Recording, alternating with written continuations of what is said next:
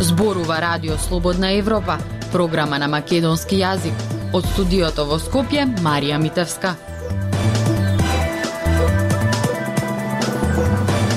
Почитувани во оваа емисија ке слушате. Владините институции за време на пандемијата се подновиле со 85 возила во вредност од над 3 милиони евра. Ако се одобрат сите подскапувања што ги побарале енергетските компании, сметките за струја ќе бидат повисоки за 40%.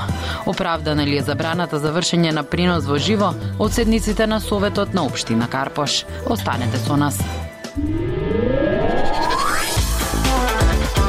Независни вести и анализи за иднината на Македонија. На Радио Слободна Европа и слободнаевропа.мк. Околу 3 милиони евра се потрошени за набавка на 85 автомобили во изминативе две години од страна на државните институции за време на пандемијата со коронавирус, кога владата бараше да се штеди и да се внимава како се трошат парите. Со возила се подновиле десетина институции. Прилог на Зорана Гаджовска-Спасовска. Седани и лимузини со големи екрани во боја, грејачи на седиште и дополнителна опрема се најчестите возила кои државните институции ги купувале или изнајмувале, покажуваат договорите склучени за јавни набавки. Во изминатава пандемиска година во која власта со разни кризни мерки ги помагаше компаниите и бараше од институциите да штедат пари, потрошила најмалку 3 милиони евра за набавка или изнајмување на автомобили. Податоците од Бирото за јавни набавки покажуваат дека најмалку десетина институции одлучиле во пандемиската година да купат нов луксузен автомобил, додека пак дел одлучиле да купат автомобили од средна класа. Например, Националниот конзерваторски центар во август годинава купил две тирански возила од Мак Автостарт за 55.000 евра. Станува збор за марката Mitsubishi 2.0, ренџерски пикапи и моќно возила. Ново планот за јавни набавки, подпишан од директорот на Националниот конзерваторски центар во Скопје Мемет Салмани, не е предвидена набавка на нови автомобили. И Институтот за сеизмологија потрошил 57.000 евра за набавка на два автомобила.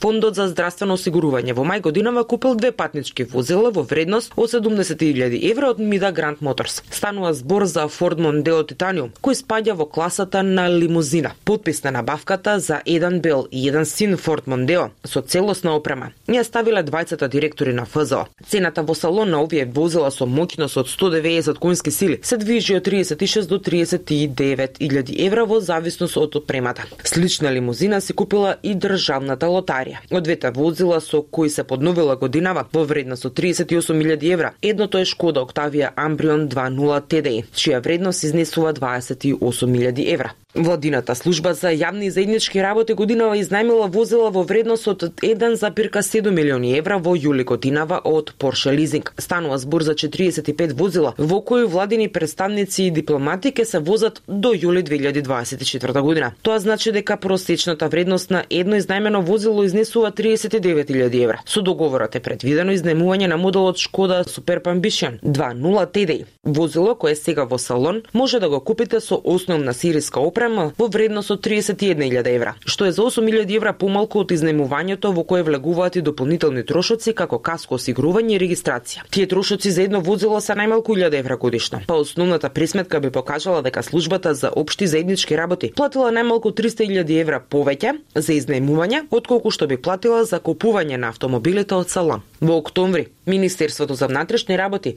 изнајмило возила во вредност од 77.000 евра од АБЦ Рента Кар на 3 години. Станува збор за 8 возила кои нема да бидат постари од 5 години и ќе му бидат достапни на МВР по потреба.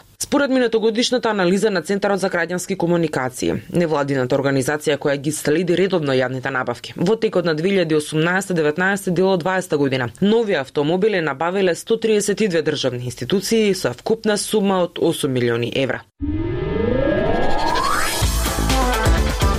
Дайте ни 15 минути и ние ќе ви го дадеме светот. Слободна Европа.мк Најголем дел од сумата што граѓаните ја плаќаат за струја оди за државниот производител ЕСМ и за електродистрибуција фирма Кирка на Ивана. За обновливи извори оди околу 7% од сметката, а за Ивана Хом околу 10%. Најмал дел завршува кај државниот преносен оператор МЕПСО. Колкаво ќе биде поскапувањето на струјата од нова година, анализира Срѓан Стојанчов. Ако регулаторната комисија за енергетика ги одобри сите поскапувања што ги побарале енергетските компании, струјата од нова година треба да поскапи над 40%. Односно, тој што плаќал за струја 2000 денари ќе треба да плаќа над 2800 денари. Сепак, председателот на регулаторната комисија Марко Бислимовски вели дека ќе гледаат поскапувањето да биде што помало. Според податоците на регулаторната комисија за енергетика во 2021 година 34% од цената на струјата одела за државниот производител ЕСМ. Тоа значи дека кај нив завршувале 648 денари од сметката за струја од 2000 денари. Оваа година скоро 10% од сметката за струја оди за набавка на струја од слободниот пазар, односно 189 денари. Со оглед на тоа што ЕСМ најави дека во првата половина од наредната година ќе испорачат доволно струја за покривање на потребите на домаќинствата и на малите фирми, веројатно нема да има потреба од увоз. Владата утврди дека производствената цена на струјата од догодина ќе поскапи за над 13%. Тоа значи дека ако до сега граѓаните плаќале 837 денари за набавка на струја од ЕСМ плюс од слободниот пазар, од нова година на таа ставка ќе одат 945 денари, односно поскапување од 105 денари. Според законот, над 7% од секоја сметка за струја одат за обновливи извори на енергија. Тоа значи дека за оваа ставка одат 139 денари. Државниот електропреносен систем МЕПСО, кој управува со далноводите, учествува во сметката за струја со над 4%. Тоа значи дека кај ни фодат 78 денари. МЕПСО за наредната година побара поскапување на нивните услуги од 60%. Ако се усвои ова нивно барање, граѓаните наместо 78 денари ќе платјат 125 денари, односно дополнителни 47 денари на сметката.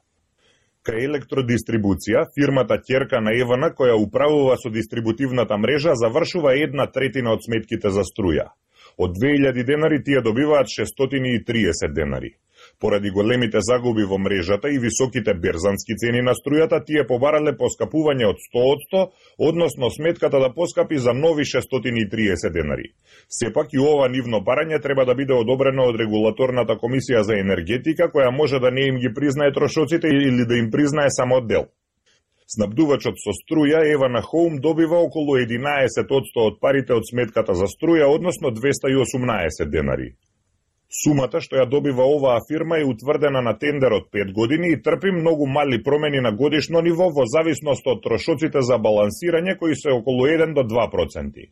Од сметката за струја од 2000 денари, 95 денари одат во државната каса за данок за додадена вредност. Слободна Европа. Следете на на Facebook, Twitter и YouTube. Општина Карпош ја пренесуваше првата седница во живо на новиот совет, но потоа преносите беа забранети на барање на дел од советниците. Независните советници ја критикуваат одлуката, а правници велат дека јавноста треба да има увид во работата на советот на општините. Прилог на Јасмина Јакимова. Поопштите заложби за поголема транспарентност на локалните совети, а откако без пречки во живо на Фейсбук ја пренесуваа првата седница на општина Карпош.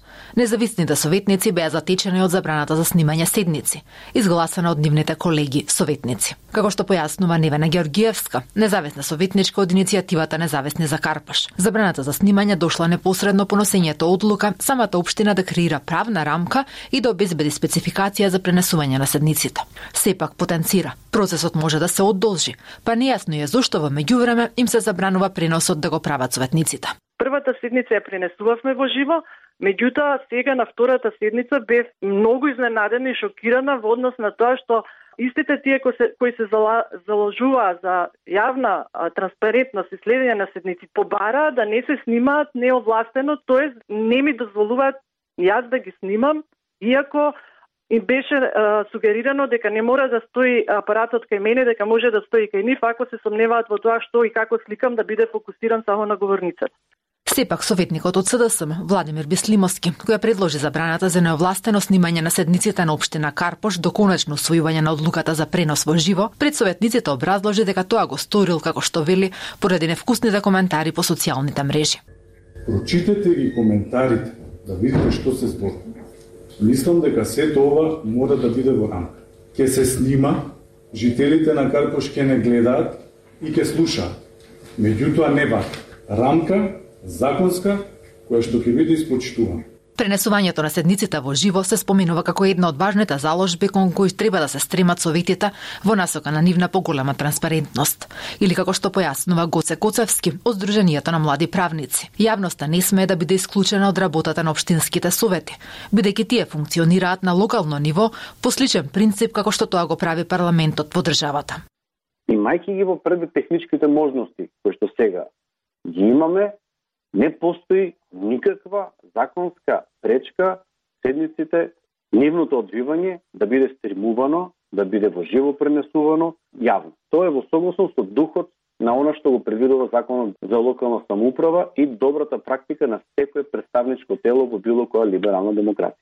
Снимањето на седниците на советите се споменува по препораките на индексот на отвореност на единиците на локална самоуправа, што го мери фондацијата Метаморфозис. Еден од трендовите кои тие ги забележале е дека поголемите промени се случуваат при промени на власта, укажува Гоце Арсовски од Метаморфозис. Добар дел од општините со промената на власта обично ретерираат чекор 2 во однос на нивната транспарентност Дел од општините како Крива Паланка или Велес веќе ја прифатија оваа пракса на редовно пренесување на седниците во јавност. На нив од неудамна им се придружи градот Скопје, каде повеќе од три години траеше процесот на набавка и поставување систем за видеопренос на седници.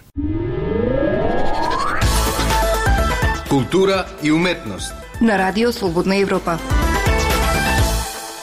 По две години од проектот Јас и ти едно сме и минатогодишната пауза што ја наметна светската пандемија со COVID-19, Национална галерија продолжува серијата инклузивни проекти врзани со одбележувањето на меѓународниот ден на лицата со посебни потреби. Овој пат во периодот од 22 декември до 5 јануари наредната 2022 година во Мала Станица под заеднички наслов Сајбер култура ќе бидат изложени делата што ги креира учениците од 8 скопски средни училишта. А во појаснувањето за овој проект, Маја Димитрова, едукатор во Национална галерија и раководител на оваа серија Зафати, пишува дека појавата на интернетот и дигитализацијата во секојдневниот живот доведе до нови форми на обштествени активности кои вклучуваат и областа на сајбер културата. Дополнува дека сајбер културата често се поистоветува со дигитална култура, интернет култура, виртуелна култура и така натаму. Дека сето ова укажува на еден тренд во современото живење, на начинот на кој се одвиваат комуникации комуникациите и размената на информации и подсетува дека улогата на интернет,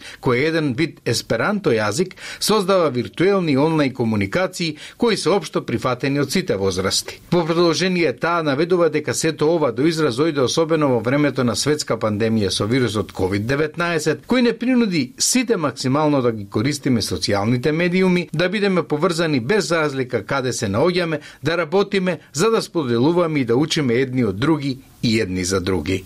Проектот Култура е своевидно гледало на оваа наша стварност, еден вид одговор на сите она што се случува во светот, а на она што се случува кај вие млади луѓе, без разлика дали се деца од редовната настава или деца со попреченост. Тие изработија три празни цртежи, скулптури, колажи, дигитални творби, во кои коментираат за Инстаграм, Твитер, TikTok какво е влијанието од прекомерното следење на социјалните мрежи, дали интернетот управува со нивните животи, поставуваат и одговараат важни прашања за социјалната психологија, за односот меѓу онлайн и реалноста, за реалното и виртуелното, потоа за скриениот или вистинскиот идентитет, како и за бесконечната комуникација меѓу сите нас тука и луѓето таму некаде. Вели Димитрова, таа и со дополнување дека во овие тешки времиња на изолираност, осама, страф од непознатото, условени од агресивноста на мутациите на вирусот, најголемиот предизвик за повеќето од нас е како да се заштитиме себе си и најблиските. Забележува и тоа дека токму вирусот ни ги покаже и тежината на проблемите со кои се соочува човештвото